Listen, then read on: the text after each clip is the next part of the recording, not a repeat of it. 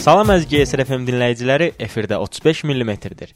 Mikrofon qarşısında isə ənənəvi olaraq mən Əjdər və mən Cavidəm. Filmlər haqqında olan efrimizdə hər dəfə maraqlı bir filmlə qarşınıza çıxır və onun haqqında müzakirə edib az bilinən faktlardan danışırıq. Bu dəfəki efrimizdə isə bu ilin ən uğurlu filmlərindən olan Deadpool, yəni Ölüm hovuzundan danışacağıq. Və ənənəvi olaraq istəyirsənsə Cavid, ə, filmə keçməmişdən öncə biraz rejissor haqqında danışaq. Bu film rejissorun çəkdiyi ilk tam metrajlı film təcrübəsidir. Tim Miller, yəni rejissorumuz, animasiya və xüsusi effekt üzrə mütəxəssisdir və 90-cı illərin sonunda yaradılan Blur Studionun yaradıcılarından biridir. O vaxtdan bəri Star Wars və Batman oyunlarının tanıtım çarxını, Əjdaha Tatulu qız filminin açılışını bu studiya hazırlamışdır. Hətta bir Marvel filmi olan Thor, Qaranlıq Dünya filminin açılış səhnəsində rejissorluğunu Tim Miller etmişdir. Qeyd etdiyimiz kimi bu film Tim Miller'in ilk tam metrajlı film təcrübəsidir və Deadpool filminin rejissoru olmaq şansını ona qazandıran amil isə DC Comics-ə məxsus video oyunlar üçün çəkdiyi qısa film olmuşdur. Fox studiyasından bir nümayə Miller'in çəkdiyi qısa filmi bəyənir və ondan X-Men 1-ci sinif filminin çəkilişləri üçün kömək istəyir. Fox nümayəndəsi görüşün sonunda Tim Miller'ə belə demişdir: "Bilirsən, sən öz filmini çəkməlisən. Bu sənin ilk filmin olacaq deyə sənə böyük bir film təklif edə bilmirəm, amma Deadpoolun rejissorluğunu sənə verə bilərəm." İndi bunları da oxumaq biraz gülməli gəlir, çünki Fox nümayəndəsinin o vaxt böyük saymadığı Deadpool indi özünə istər ə, super qəhrəman dünyasında, istərsə də kino dünyasında çox geniş bir yer qazanmışdır. Təbii ki, önümüzdəki dəqiqələrdə nəyə görə bu o, Fox studiyasının Deadpool-a ə, nisbətən daha kiçik və əlavə personaj kimi yanaşdığını ə, haqqında detallı məlumatlarım verəcəyik. Bunun səbəbi də təbii ki, birbaşa olaraq X-Men özü ilə bağlıdır. Daha sonra isə Miller ssenarini oxuyur və ə, ardınca isə ssenarini və o ümumiyyətlə obrazın özünü çox bəyəndiyi üçün dərhal işlərə başlayır. Bundan başqa qeyd etmək lazımdır ki, Tim Miller Marvel üçün bir neçə qısa animasiyalar da çəkmişdir ki, belə ki, ilk Dəmir Adam filminin nümayişə girməsindən əvvəl Marvel obrazının uşaqlar tərəfindən kifayət qədər tanınmadığının fərqinə varır. Və bunun üçün də Millerdən həmin vaxt uşaqların ən çox tanıdığı və ən çox sevdiyi Hörümçək adamla birlikdə qısa animasiyaların çəkməyi istənilir. Və bunun da ardınca artıq Miller birbaşa olaraq Marvel kino dünyasına demək olar ki, daxil olur dəqiq bilmirəm bu ə, Spider hörümçək adamla bir yerdə çəkdiyi animasiyalı uşaqlar üçün ə, nə qədər uğurlu olub bilmirəm, amma Dəmir Adam filmi də özü ə, həmin ə, Marvel kino dünyasının ilk filmi olmasına baxmayaraq çox böyük uğur qazanmışdı. İndi isə keçək e, filmin mövzusu haqqında biraz danışmağa. Deadpool filmi çizgi roman qəhrəmanı əsasında ekranlaşdırılmışdır. Marvel qəhrəmanı olan Deadpoolun, yəni əsl adı ilə Wade Wilsonun necə Deadpool olmasından bəhs edən filmdə eyni zamanda onun qisas almaq hekayəsinə də şahid oluruq. Və bildiyin kimi Cavid Deadpool çizgi roman qəhrəmanıdır, hansı ki ona film həsr olunub və ə, əslində çizgi romanla birlikdə təbii olaraq filmdə ə, filmdə gördüyümüz Deadpool arasında çox böyük fərqlər olduğunu rahat formada deyə bilərik. Hansı ki indi birazdan haqqında danışacağımız onun yaradılışından tutmuş, hətta onun davranışlarına qədər. Və bu faktları keçməmişdən öncə isə Cavid sənə ən-nəvi sualım vermək istəyirəm. Ə, bildiyim qədərilə sən həmin bu tipli cizgi qəhrəman və yaxud da ki, super qəhrəman tipli filmlərə o qədər baxmağı da xoşlayan biri deyilsən. Və Deadpool-a baxıb analiz eləmiş biri kimi bu film haqqında nə deyə bilərsən? Nə fikirləşsən bu film haqqında? Ümumiyyətlə ilk dəfə baxanda bu barədə nə düşündün? Yaxşı qeyd edirəm ki, mən ə, e, bu super qəhrəman filmləri, çizgi roman qəhrəmanlarının ə, e, üstündə çəkilən filmlərə çox baxan biri ə, e, olmamışam deyim. Çünki artıq bu artıq o hələ də baxmıram desəm biraz yalan ə, yalan olar. Çünki və indi istər Marvel kino dünyası olsun, indi biraz da, da olsa ə, DC kino dünyasında çalışıram ki, ə, adaptasiya olan və onların filmlərini izləyən və ə, ardıcıl ə, hansı ə, mövzu ilə getdiklərini izləməyə çalışıram. Ə, Deadpool haqqında heç vaxt bir ə, nə cizgi roman olaraq, nə də bir əvvəllər ə, bir kino qəhrəmanı olaraq heç vaxt adını eşitməmişdim. Elə mən də bu ə, Deadpool yəni 2016-cı ildə çıxanda mən də ilk dəfə onun adını eşitdim və ə, orada da təsadüfən elə öyrəndim ki, ə, bu da sən Məhv Marvel çizgi roman qəhrəmanlarından biridir və bu vaxta qədər də Marvel kino dünyasının arası təxmini 5-6 filminə artıq baxmışam və yavaş-yavaş da çəkilən filmlərin hamısına baxmağa çalışıram. Bütün Deadpool filminin reklamları çıxandan bəri onun tanıtımları eləyəndə hamısı çox belə ağız dolusu danışırdı hamı.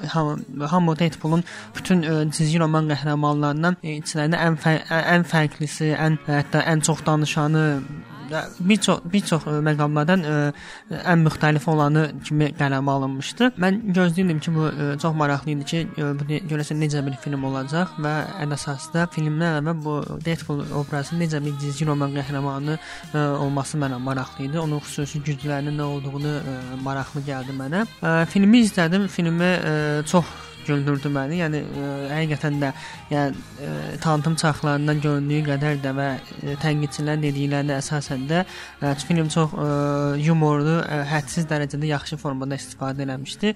Bu mənə də filmə bağlayan əsas elementlərdən biri oldu mənim üçün. Deadpool obrazının ə, bəzi hər hər şeyi ə, zarafata salıb ə, ondan bir ə, gülüş yaratması, hamıya sataşması və hamını bütün ə, ə, ən böyük düşmənlərini belə qıcıqlandırmaqdan çəkinməməsi, heç kimdən qorxmaması olması, yəni bu bu kimi elementlər çox xoşuma gəldi. Filmi ümumiyyətlə bəyəndim. Yəni bir ə, e, istər ə, e, cizgi film qəhrəmanı olmasa da bir film ə, e, məhsulu olaraq da bəyəndim və mənə görə yaxşı bir iş çıxarmışdılar. Mən ə, sən nə fikirləşsən? Ə, bildiyin kimi mən ə, bu bu tip ə, kinolara çox ə, baxan deyildim, amma sən mənim fikrimcə məndən daha əvvəl, neçə il bundan əvvəldən başlamısan artıq Marvel və DC kinoları ilə tanış olmağa. Sən ə, bir ə, Marvel ə, səbəb sən Marvel tərəfdarısan da.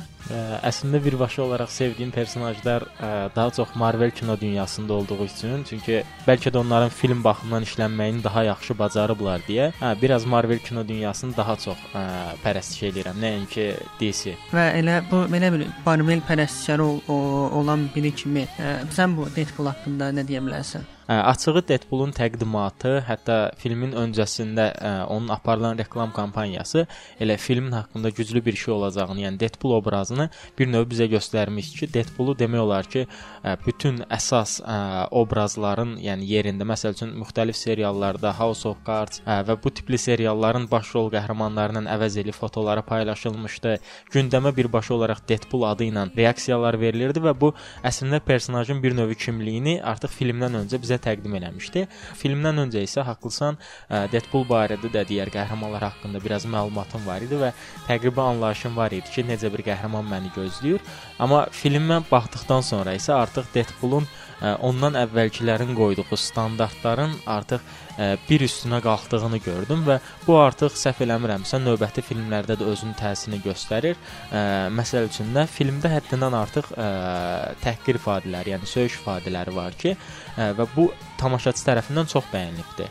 Və bunun nəticəsidir ki, artıq danışıqlar gedir ki, X-Men Wolverine-in artıq işıq üzü görəcəyi növbəti filmi 18 üzərində olacaq və bu da bir növ tamaşaçının artıq ə, istəyinin illərdir formalaşan super qəhrəmandan daha çox bir növ standartları aşan belə bir qəhrəmana ehtiyacı olduğunu göstərmişdi. Düzü filmdə ə, mənim üçün qaranlıq qalan, mənim üçün çatmayan ə, bir məqam o oldu ki, biz Deadpoolu katana qılınclarından istifadə edən bir obraz, yəni hətta bunu mükəmməl istifadə edən bir obraz kimi tanıyırıq. Ən azından çizgi ə, çizgi romanda da bu daha çox özünü büruzə verir. Filmdə yalnızca 30 saniyəlik bir səhnədən başqa, o da filmin sonundakı səhnədən başqa demək olar ki, bir belə bir səhnəni görmədik. Yəni daha çox zarafat eləyən, insanlarla bir növ məzələnən və ə, hətta öz ironiyasını ortalığa qoyub hər kəsə söz atan bir Deadpool oldu və obraz olaraq daha çox bu tutdu.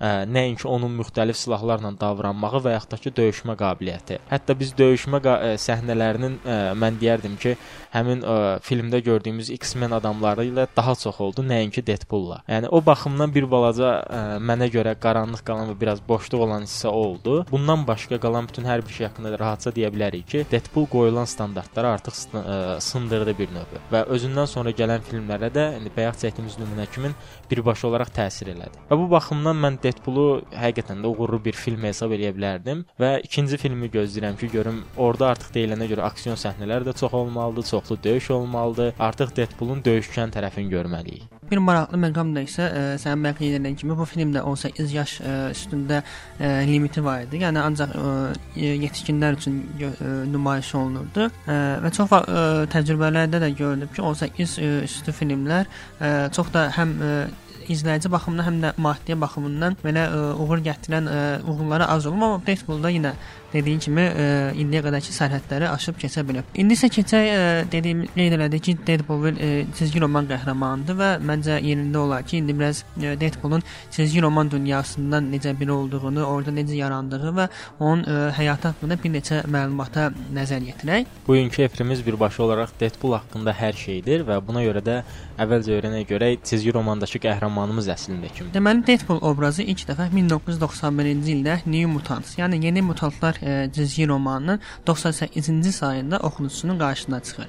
Və bir yerdə oxumuşdum ki, roman e, oxu qəhrəman ilk dəfə oxucunun qarşısında çıxdığı bu kitabda pis obraz kimi göstərilmişdi, amma onun haqqında e, bundan əlavə bundan artıq bir məlumatım yoxdur. Deadpool obrazının yaradıcıları Rob Liefeld və Fabian Nicieza'dır. Müəllif Liefeld qəhrəmanı yaradarkən DC komikslərində olan Deathstroke adlı qəhrəmandan ilhamlanıb. Hətta qəhrəmanların soyadları belə eynidir. Yəni Wilson. Deadpoolun yaranmasına təsir edən digər qəhrəmanlar isə Spider-Man, yəni Hörümçək adam və Punisher, yəni cəzalandır cəzalandıran olmuşdur. Deadpool çox danışan bir personajdır və hətta bir dəfə çox danışmağın nəticəsində bir nəfərin intihar etməsinə səbəb olmuşdur. Deadpoolun digər personajlardan əsas fərqli cəhəti isə komiks qəhrəmanı olduğunu bilməsi, oxucu ilə ünsiyyətə keçə bilməsi və oxucunu güldürə bilməsidir ki, biz buna 4-cü divarı sındırmaq deyirik və bu da ə, əslində qalsa yalnızca Deadpoola xarakteri bir xüsusiyyət deyil, həmin bu cizgi romanlardan bir neçəsini oxumuşdum mən. Eyni xüsusiyyət eyni zamanda Spider-Man-ə də aiddir. Ə, hansı ki, ə, bəzi mərhələlərdə o da birbaşa olaraq oxucu ilə ünsiyyətə girir. Deadpoolun ən sevdiyi yeməklər taco və çimçanqadır və ə, komik və pozğun bir şəxsiyyətə malikdir. Zehnində iki səs vardır ki, bunlardan biri ağıllı, digəri isə əyləncəli, lakin axmaq şeylər söyləyən bir səsdir. Xüsusi bacarığı isə kəskin bir nişancı olmağı ya da ki, heç vaxt susmamasıdır. Deadpool ninja təliminə sahib, hər cür silahı sevən və öldürmə mövzusunda belə əyləncəsindən dala qalmayan biridir. Özünü incə sənətə həsr etmişdir ki, bu da öldürmək sənətidir. Bundan əlavə yapon, alman, ispan kimi dillərdə də danışa bilir və Wolverine-dən daha sürətlə sağala bilir. Filmdə də e, gördüyümüz e, bəzi səhnələrdə Deadpoolun tez sağalma qabiliyyəti məncə onun ə, ən böyük xaras ə, ən böyük ə, güclərindən biridir. Cizgi romanda parçalara ayrılsa belə qurtula biləcək Deadpoola bütün bunlar azmış kimin bir də Marvelin ən güclü personajlarından biri olan Thanos ölümsüzlüklə lənətlənmişdi. Thanosun Deadpool ölümsüz olaraq lənətlənməsi isə tamamilə bir ə, eşq, eşq əhvalatıdır. Ə, belə ki, kainatdakı ən güclü varlıq olmaq istəyən Thanos ölümə aşiqdir. Lakin ölüm də ə, təsmiş kimi Deadpool-a aşiqdir. Ölümə qovuşmasına mane olmaq üçün Deadpool öləndən sonra Thanos onu həyata qaytarmışdır ki, hətta ə, Deadpoolun ölümsüzlüyünə sübut olaraq isə romanlarda 800 il sonra belə Deadpoolun hələ də yaşadığını sübut edəcək obrazların olduğunu demək kifayətdir. Yəni artıq buradan da başa düşə bilirik ki, Deadpool ə, Marvel dünyasında ölümsüzlüyü olan bir qəhrəmanlardan biridir. Sağalma qabiliyyəti bədəndə xərçəng hüceyrələri istehsal edən və onları öldürən formada irəliləyir ki, bu da öz növbəsində beyin hüceyrələrinin də ölüb-ölüb yenidən yenilənməsi ilə nəticələnir. E, və bütün bunların nəticəsində bəli, qəhrəmanımız dəlidir. Qısacası məğlub olması o qədər də mümkün deyil desək bəs edər. Dərisi bir o qədər qorxuludur ki, kostyumunu çox nadir hallarda çıxarır və həqiqi adı Wade Wilson olaraq bilinsə də Deadpoolun keçmişindən heç kəs əmin deyil.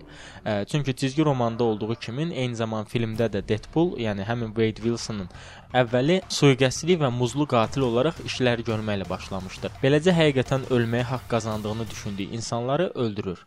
Və bu da bizim ə, bu gün haqqında danışdığımız Deadpool obrazının bir növ xarakteri xüsusiyyətdir. E, indi isə e, Wade Wilson necə Deadpool olmasından e, danışaq.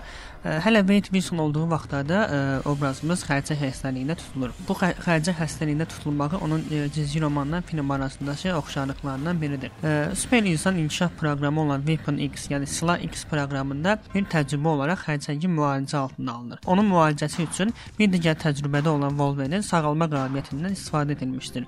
Wade Wilson tapşırıqların birində bir digər e, təcrübədə olan e, adamlardan birini öldürdükdən sonra bu proqramdan kənarlaşdırılır və uğursuzluğa düçar olanların müalicə olmağa göndərildiyi bir fakültəyə aparılır. Burada həkimin e, sadist assistenti olan Ajaxdan və filmdə digər adı olan Francislə tanış oluruq. Bu e, həmin bu e, həmin bu fakültədə xəstələrə işgəncə edən e, xəstələrə işgəncə edən bir adamdır və xəstələr arasında Deadpool, yəni Ölüm Hovuzu adında bir oyun vardır. Bu oyunda növbəti dəfə kimin öləcəyini təxmin edirlər. Yəni yəni burdakı ə, xəstələr. Sonrakı məqamlarda Wade ə, həmin bu ə, assistentin işgəncə etdiyi bir xəstə dostunun ağrısına son vermək üçün onu öldürəndən sonra assistent Wade-in ürəyini söküb onu ölümə tərk edir. Və ə, intiqam duyğusu ilə ə, dolu olan Wade bundan da sağ qurtulur və həkimin assistantını öldürəndən sonra Deadpool adını özünə ləqəb kimi götürür və ə, Deadpool ə, və nəticədə də burada başa burada da ə, görürük ki, ə, növbəti növbəti öləcək adamın kim olduğuna artıq Deadpool qərar vermişdir. Ə, film olaraq isə 2012-ci ildə bir test videosu çəkdikdən sonra Fox studiyası filmin özünü çəkməyə qərar verir. Sonradan 2014-cü ildə isə həmin test videosu internetə yayılır və ə, həmin video geniş kütlə tərəfindən olduqca bəyənilir və studiya filmin çəkilişlərinə başlamağa qərar verir. Nəhayət film 2016-cı ildə fevral ayında izləyicilərə təqdim olunur ki, Deadpool həm hekayəsi, həm texniki cəhətləri, həm də maddi olaraq da çox böyük uğur gətirir. Cizgi romanlarda Deadpoolun yaranma hekayəsi elə filmin mövzusu olmuşdur. Amma yaranma hekayəsində ə, cizgi roman və filmdə olduğu kimi bəzi fərqlər mövcuddur ki, hansı ki onların bir hissəsi haqqında artıq danışdıq. Ən əsas fərqlərdən biri də Deadpool sözünün hardan götürülməsi ilə bağlıdır ki, filmdə ə, həmin bu hissə dostunun barında olan lövhədən götürülmüşdür ki, bu lövhəyə əsasən həmin günü kimin öləcəyi barəsində ə, mərcə girilir və onun adı orada yazılır. Əgər o ölməyibsə, ə, həmin insanlar artıq ə, ona mərcə girmiş insanlar artıq məğlub olurlar. Amma ə, cizgi romanda isə ssenari daha çox fərqlidir və burada da sənin öncə qeyd etdiyin kimi xəstəxanada yerləşən lövhədəki addır və burada artıq kimin öləcəyi dəqiqdir və onun adı yazılaraq öldürülür. Bunun Bundan əlavə isə cizgi romanda Cable obrazını öldürmək üçün yaradılan, ə, yəni daha çox yaradılma məqsədi kimi hesab olunan Deadpool burada isə birbaşa olaraq öz sevgilisinin intiqamını almaq uğrunda döyüşür və filmin ssenari axışı birbaşa bunun üzərində gedir. Filmlə cizgi roman arasındakı fərqlərdən biri də Deadpoolun özünə bu adı götürməyinin ə, zamanlanmasıdır. Cizgi romanda qeyd etdiyimiz kimi ə, öz ə, sadist assistenti, yəni Ajax-ı öldürəndən sonra adı, adı özünə götürür, amma filmdə isə bu fərqli formada ə, göstərilmişdir. Burada ə, e, filmdəki hissə isə o ə, e, yenə də həmin Ajaxın öz pis, ə, e, sərt və ə, ə, acı dolu təcrübələrinə məruz qalandan sonra həmin bu ə, xəstəxananın özü, laboratoriyanın özü partladır və orada da ə, orada ə, sağ çıxandan sonra yenə də onun bədəni ə, və ə, bədəni çox ə, çirkin vəziyyətdədir və o ə, sonradan dostunun yanına qayıdır, hansısa mən qeyd etdiyim barda işləyən dostunun yanına qayıdır və orada da ə, və bu filmdə ləqəbi özünə bu həmin səhnədə götürür ki, orada ə, e, lövhədə e, Deadpool oyununun e, cədvəli göstərilir və o da onu görəndən sonra bu adı özünə götürür. Və bu adı özünə götürəndən sonra isə qarşısına qoyduğu ilk məqsəd onun düşməni olan, birinci düşməni olan Ajax-ı, yəni filmdə digər adı ilə gördüyümüz Fransızı öldürməkdir. Uzun müddət davam edən hazırlıqlara baxmayaraq təxirə salınan film yenidən əmələ gəlməsi test çəkilişlərinin internetdə yayılması səbəb olur və sürətlə internetdə yayılan video qısa zaman ərzində milyon dəfələrlə izlənir ki, bəyənənlərin həyəcanına reaksiyası səssiz qala bilməyən Fox studiyası filmin hazırlıq işlərini başladır. Elə bu vəziyyət aktyor Ryanın da təəccübünə səbəb olur ki, onun fikrincə internetdə yayılan bu videonun əsas səbəbkarı ə, yaradıcı heyətdəki 4 nəfərdən biridir və aktyor bunun özünün olmadığına da sadəcə olaraq 70% əmin olduğunu bildirmişdi. Və bir növ bu təsadüf nəticəsində ə, nəinki Deadpool obrazı, ə, eyni zamanda aktyor Ryanın özü də bir növ işıq gördü. Bunun səbəbi isə Ryan Reynolds'un Deadpool filmindən əvvəl ekranlaşdırılan 4 fərqli cizgi roman filmində rol almasıdır.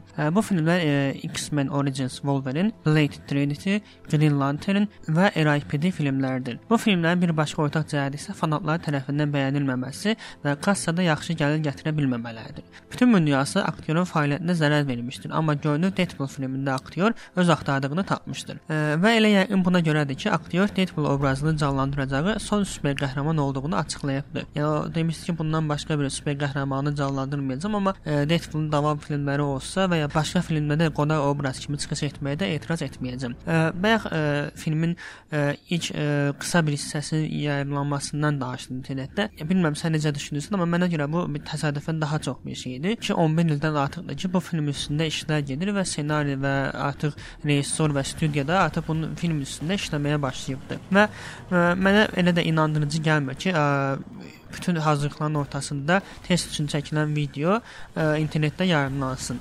Məncə bu ə, studiyanın özünün bilərək elədiyi bir şeydir ki, bunu internetdə yayımlar və ə, izləyicilərin necə bir maraq doğuracaq doğuracaqlarına, onların bunu ə, fikirlərini və sairələrini ölçmək üçün hesablanan bir məncə bir reklam ə, taktikası kimi düşünürəm mən bunu. Məncə studiya video özünü bilərəkdən ə, paylaşılması məncə başa düşüləndir. Çünki ə, bundan əvvəlki ə, ilk Deadpool təsviri çox uğursuz şəkildə alınmışdı.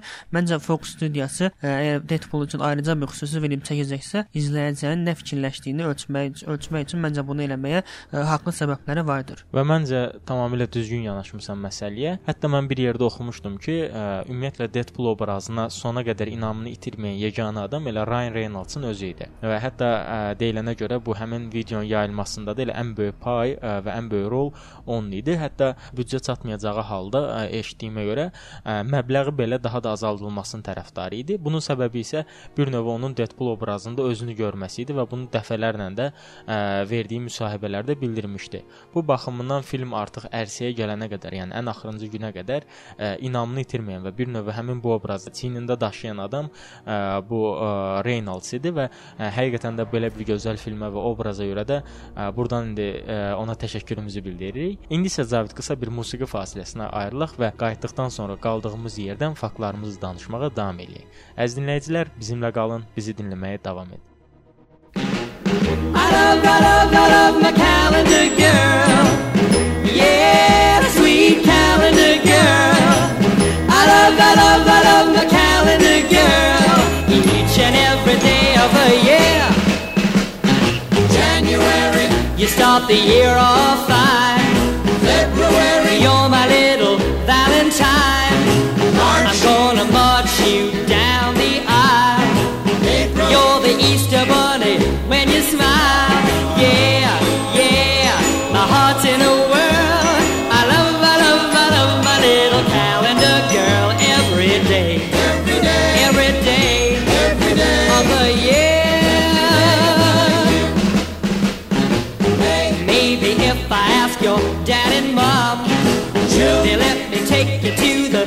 Junior prom.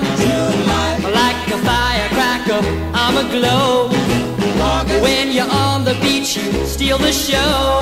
Yeah, yeah, my heart's in a whirl.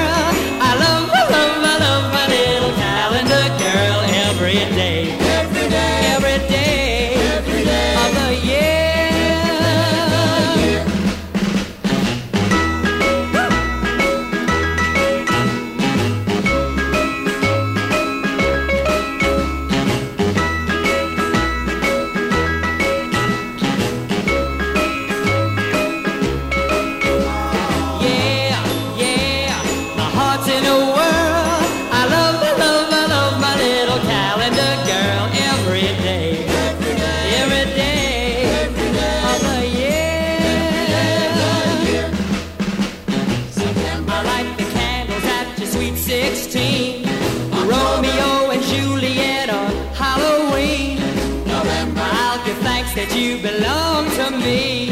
December, you're the present neath my Christmas tree.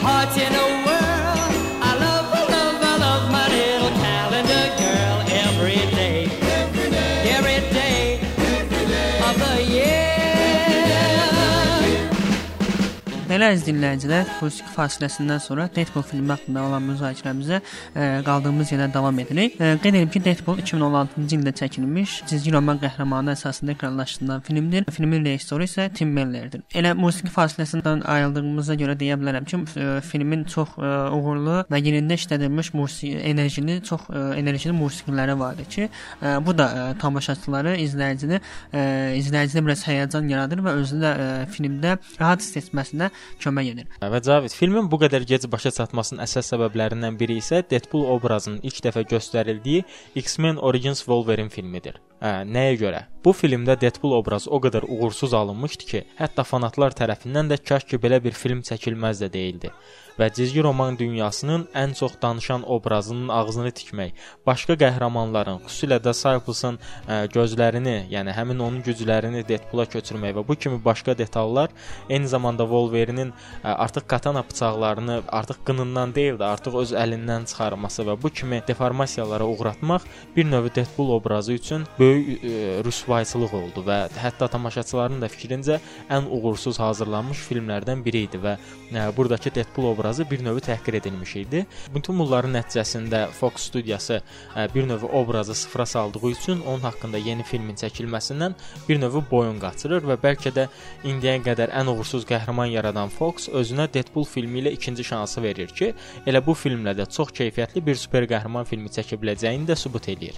Və filmdə də bir növ həmin ə, bu Deadpool obrazına da bir növ göndərmələr də var. Ə, hansı ki ilk ə, X-Men Origins filmindəki Deadpool obrazını və ə, hətta filmin biz ə, əvvəlki səhnələrində görə bilirik ki, ə, hələ Deadpool olmamışdan öncə, yəni ə, Wade Wilson ə, arxadan məktubu götürən zaman bunun onun ən sevdiyi ə, əşyası olduğunu bildirir və xanımı isə, yəni sevgilisi isə o həmin Deadpool obrazının kiçik oyuncağını göstərən zaman isə ondan nifrət etdiyini bildirir və əlini ə, əli ilə onu itələyir və bir növ də əslində həmin filmə olan göndərməsini göndərir və hə, bu əslində Deadpool obrazı üçün çox xarakterik bir obraz idi və əvvəldə də dediyimiz kimi bəyənmədiyi hər bir şeyə öz reaksiyasını verir və ə, bir növ hər bir şeyə öz şəxsi fikrinin, yəni düşüncəsini ortalığa qoyur və bu baxımdan da Ryan Reynolds-ın nəyə görə bu obrazı sevdiyini çox rahat başa düşmək olur ki, sadəcə olaraq öz fikirlərini bu obraz vasitəsilə rahatlıqla çatdıra bilir. Həm də demək olar ki, ə, Ryan Reynolds ə, bu obraz vasitəsilə öz keçmişində də böyük bir intiqamını almış olur.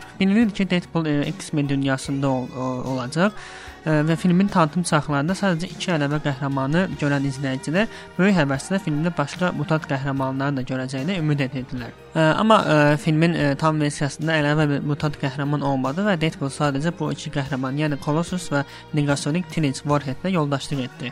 Filmdə başqa mutantların olmamasında Deadpool özü də əyləncəli formada fikir bildirir və bunu bir səhnədə görürük ki, bu iki mutant bu iki mutant yoldaşından kömək istəmək üçün evlərinə gəldiyi səhnədə böyük bir evdə sadəcə iki mutantın olması onun diqqətini çəkir və deyir ki, görünür studiya başqa mutant gətirməyə pulu çatmırdı.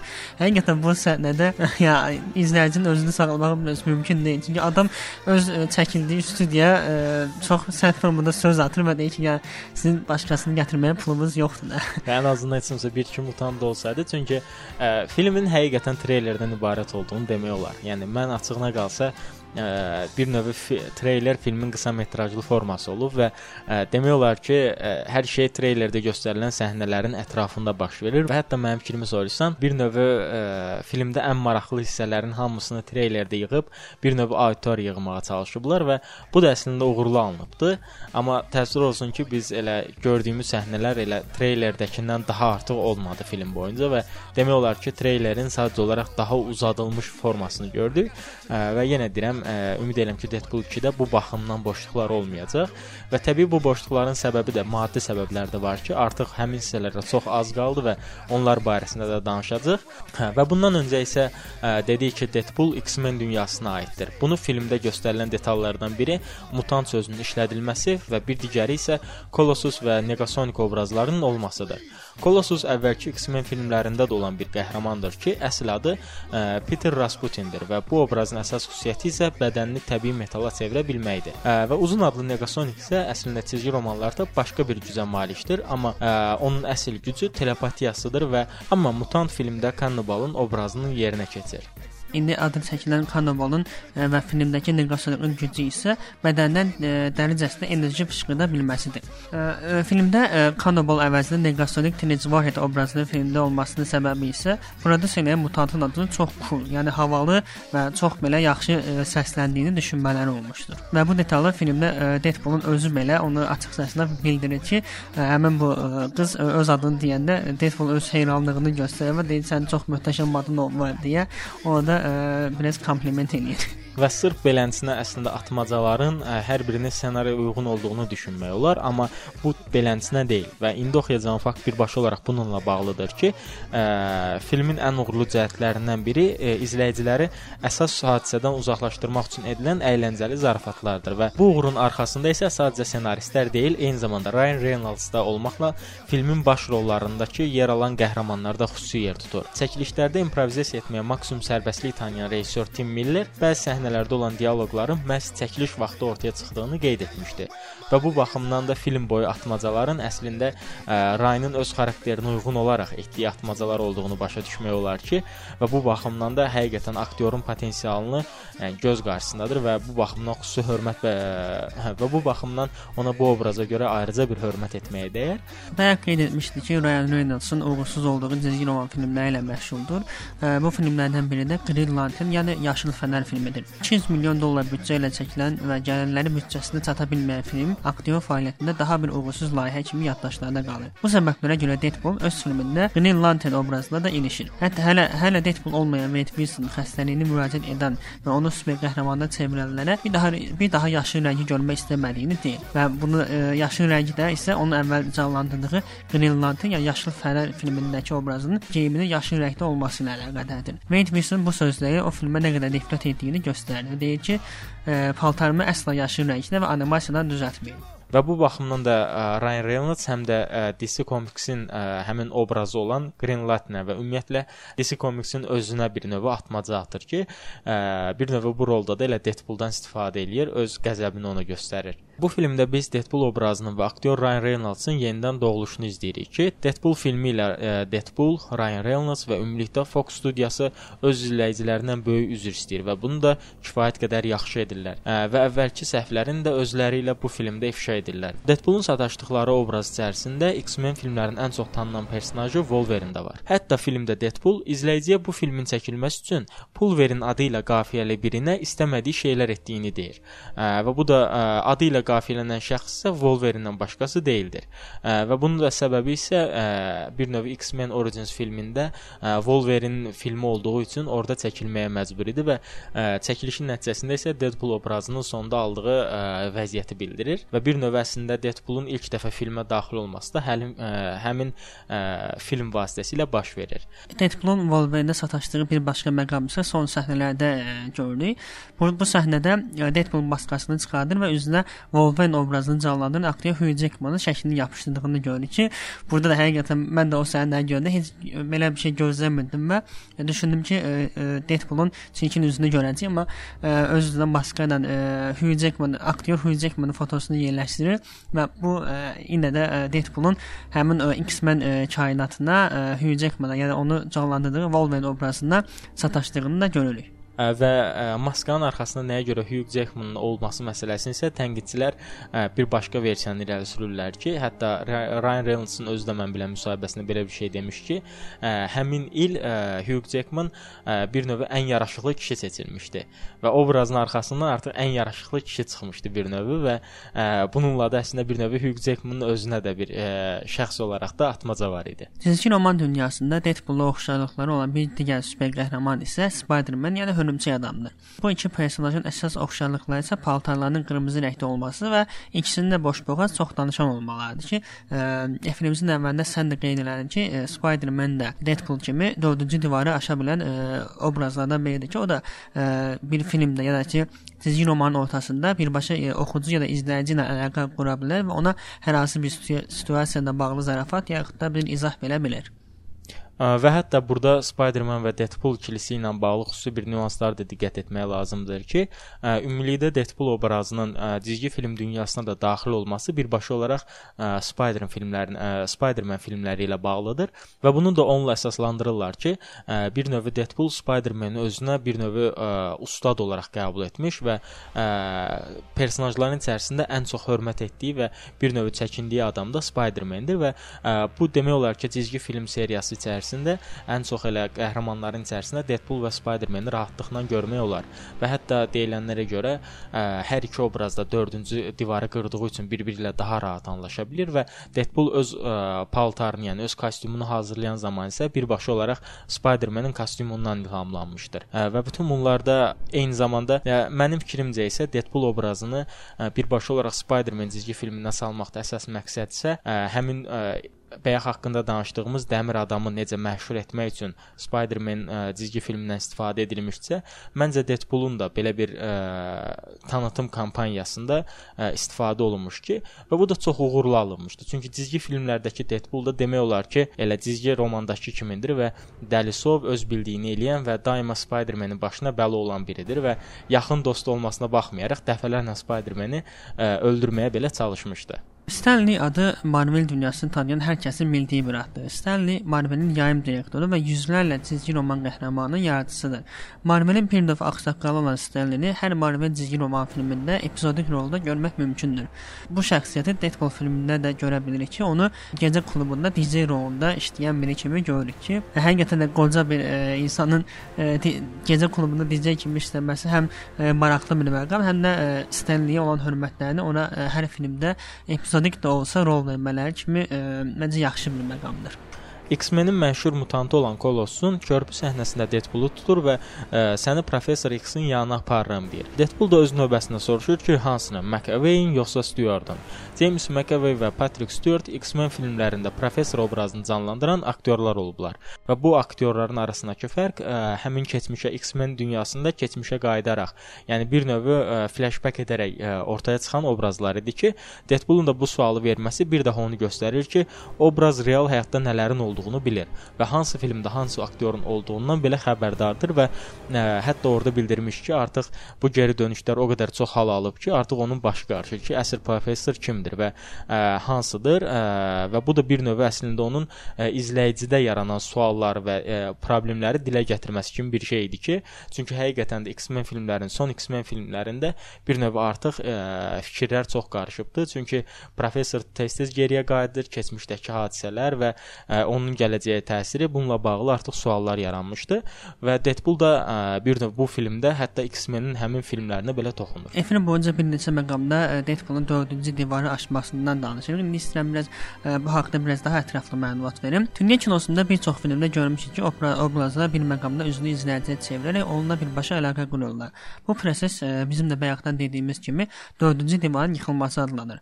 Ə, Deadpool filmi isə demək olar ki, ə, filmdə dağıdılmamış 4-cü divar saxlanılır saxlamır. Film demək olar ki, əsasən bu xüsusiyyətinə əsasən çəkilir və hər nə qədər ə, e, bu detaldan çox işlənsə də yorucu ə, e, izləyicini yorduğunu demək olmaz. Hətta ə, e, hətta Deadpool bir sənədə 4-cü divarı yıxaraq keçmişini yada salır və keçmişdəki obrazı 4-cü divarı yıxır.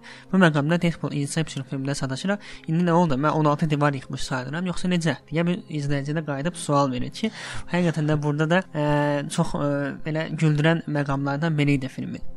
Ümumiyyətlə Deadpool ə, obrazı bütün ə, izləyicilərin alında sual yaratmış, problem olaraq yanaşdığı bütün filmlərin hamısını ümumiləşdirib bir filmdə elə öz öz dilindən də veribdi. Bəlkə də elə ə, Reynolds-un öz fikirləridir biz bunları eşidirik Deadpool adından və film dünyasının olmazsa olmaz problemlərindən biri də büdcədir.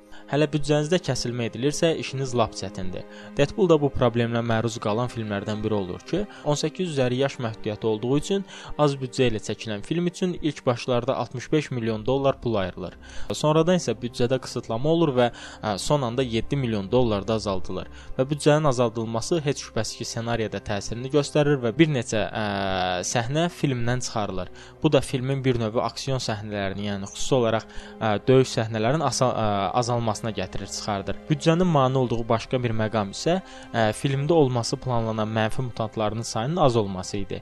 Əslində filmin ə, güldürən, əyləndirən ə, hissələrini bir qırağa qoyduqda filmdə sadəcə olaraq aktiv 5 obrazın olduğunu düşünmək olar ki, Francis onun bir növ Colossus qədər güclü olan ə, qadın mutant onun yanındakı, eyni zamanda Nego, ə, Negosonic, ə, Colossus və Deadpool. Ə, film bir növ bu 5 mutantın ə, cəmi 10 dəqiqəlik döyüş səhnəsinə bir yerə yığsan 10-15 dəqiqəlik döyüş səhnəsindən ibarətdir ki, filmin ümumi uzunluğu isə 1 saat yarımdan daha çox. Və bütün bunları da ə, göz qabağına gətirdikdə bir növ Reynolds-ın Deadpool filmini qurtardığını rahatca demək olar.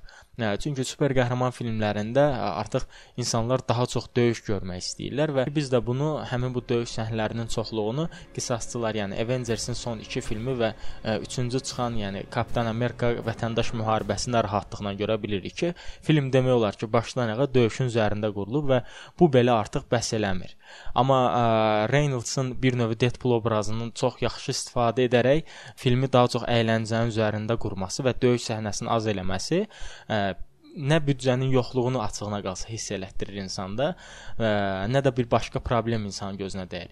Çünki film boyunca sadəcə olaraq əylənirsən və filmin nə zaman başa çatdığını xəbərin belə olmur. Hətta mən deyə bilərəm ki, bu ə, büdcə ə, ə, haqqında danışılan bu səhnələr də olsaydı, ə, mən bəlkə də biraz indi indi düşünəndə biraz maraqsız gəldi. Çünki mən filmin indiki formasını çox bəyənmişəm və bunun məncə nə artıq nə də əksik olduğunu düşünmürəm. Çünki ə, fikrimcə hər şey öz yeri yerində və ə, süjet xəttində heç bir düşünmürəm ki, çox böyük dərəcədə qırılma var. Çünki ə, obraz başlayır öz ə, çevrilməyə, xəstəlikdə tutulur, sonradan ə, Deadpool çevirir və başlayır öz qisasını almağa. Yəni mən ə, düşünürəm ki, hər şey öz yeri yerində oturmuşdur. Deadpool gözlənilməz olan bir şeyə nail oldu və hələ film nümayişə girməmiş davam filmi təsdiqlənir. Yəni ikinci Deadpool filminə hazır olun əziz dinləyicilər. Əgər belə bir problem, çox ciddi bir problem olmasa, 2017 ya da 2018-ci ildə görəcəyimiz ikinci Deadpool filmində rejissorluğunu Tim Miller edəcək. Və bu baxımdan da Fox-un artıq ə, əvvəldə dediyimiz kimi uğursuz və adi bir obraz kimi yanaşdığı bir film ə, artıq yayıma başlamamış ikinci təsdiqini də, yəni ikinci versiyasını da təsdiqini alır ki, bunun da səbəbini mən az öncə də sənə qeyd etdiyim ə, hər növü, yəni bütün ə, cəmiyyətdə baş verən hər bir hadisəyə Deadpool sayağı bir reaksiya adlı bir şəkillərin paylaşılması ə, və Deadpool obrazının artıq filmdən öncədən artıq necə Dəlisov ə, heç nəyi vecinə almayan və tam tam sərbəst bir personaj olması ilə dinlə ə, izləyiciyə çatdırılması nəticəsində olur. Ə, çünki özünün də filmdə Deadpoolun da özünün filmdə bildirdiyi kimi ə, hər tərəf standart ə, super qəhrəmanlarla doludur. Hətta filmin son səhnəsində, aha, indi buna bax, super qəhrəman eniş eləyəcək. Ə, tipli bir zarafat deyilir və hansı ki bu super qəhrəman duruşu, super qəhrəman enişi demək olar ki, bütün super qəhrəman filmlərində hər birinin özünə məxsus formada ə, bir super qəhrəman duruşu vardır və Deadpool ə, bütün bunlara lağlağı yanaşaraq belə bir şeyin artıq adi olduğunu bildirir.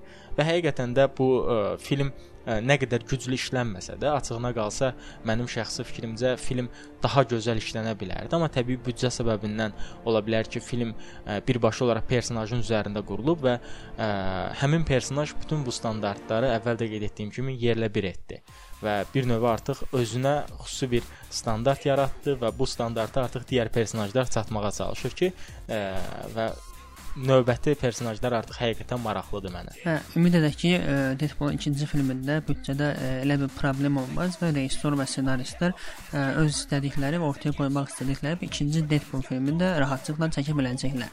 Hələlik mövzu ilə bağlı dəqiq bir məlumat olmasa da, aktyor Ryan ə, film haqqında fikirlərini bölüşüb və Deadpool obrazının X-Men dünyası ilə daha çox əlaqələndirilməsini istədiyini bildirib.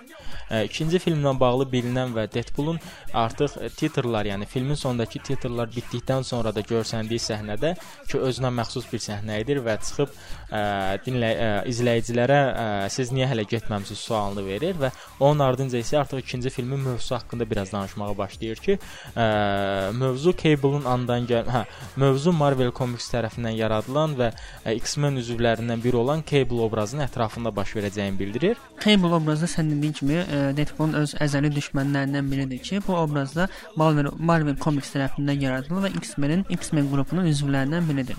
Cable adına gəlmə telepatiya və telekinetik gücləri vardır. Telepatiya gücü ilə o zehin oxuya bilir, telekinetik gücü ilə isə uça bilir. Şüalanma bacarığı var, kəskin nişancıdır, qoruyucu güc qalxanları meydana gətirə bilir. Cable'ın texniki orqanik sol qolu onun sağ qolundan daha güclüdür. Ə, qəhrəmanın sağ gözü isə ona infraqırmızı görüş təmin edir. Yəni həqiqətən ə, məncə bu detallar bizə ə, maraqlandırmağa ə, sövq edir ki, ikinci bir Deadpool filmində artıq onun ə, çizgi romanlarındakı ən böyük rəqibi olan Cable-ı görəcəyik və həqiqətən Məncə gözləməyə dəyər. Ə, bayaqdan isə obraz və aktyor olaraq və studiya olaraq filmin daha çox uğur gətirindən danışmışdıq, amma nəzərə alaq ki, ilk tam metrajlı film təcrübəsi olmasına baxmayaraq, bu film ə, rejissor Tim Millerə də kifayət qədər böyük uğur gətirir. Filmin çəkiliş müddətində məşhur rejissor David Fincherdən də kömək istəyən Miller film haqqında bəzi məlumatları paylaşıb ki, çəkiliş müddətində Miller kameraların yerləşdirilməsi və montaj haqqında problem olduğunu Fincherə bildirib. Ə, Fincher isə ona zarafatla cavablandıraraq bildirib ki, ə, rejissorun tək vəzifəsi kameranı hara yerləşdirmək və onun nə qədər saxlamağı bilməkdir. Ə, Tim Miller bir müsahibəsində David Fincher heyranlığını bildirib və rejissorun Fight Club və Seven filmlərinin də Deadpool-a təsiri olduğunu bildirmişdi. Ə, Deadpool filminin çəkilişləri bitəndən sonra aktyor Ryan'a Deadpool kostyumunu özündə saxlamağa icazə verildi. Bu bu əslində aktyorun öz istəyi deyildi və studiya tərəfindən ona hədiyyə edilmişdi. Eyni zamanda aktyor kostyumunu ondan almağa heç kimə də şans verməmişdi. Və filmin çəkilişləri 48 gün ərzində yekunlaşdırılmışdır və Deadpoolun gördüyümüz o çirkin bədəninin hazırlanması üçün isə çəkilən qırmızı müddəti 8 saat. Belə əziz dinləyicilər, bizə ayrılan vaxtın sonuna gəlib çatdıq. E, bu dəfə 35 mm-də super qəhrəman filmlərində istər süjet xətti, istərsə texnikası ilə yeni bir cığır açan Deadpool filmindən danışdıq. Sizinlə mikrofon qarşısında mən Cavid və mən Əjdər idim. Bizi dinlədiyiniz üçün təşəkkür edirəm dinləyicilər. Gələn həftə yenidən eyni vaxtda, eyni saatda bizi dinləməyiniz diləyi ilə. Sağ olun, salamat qalın. dance floor.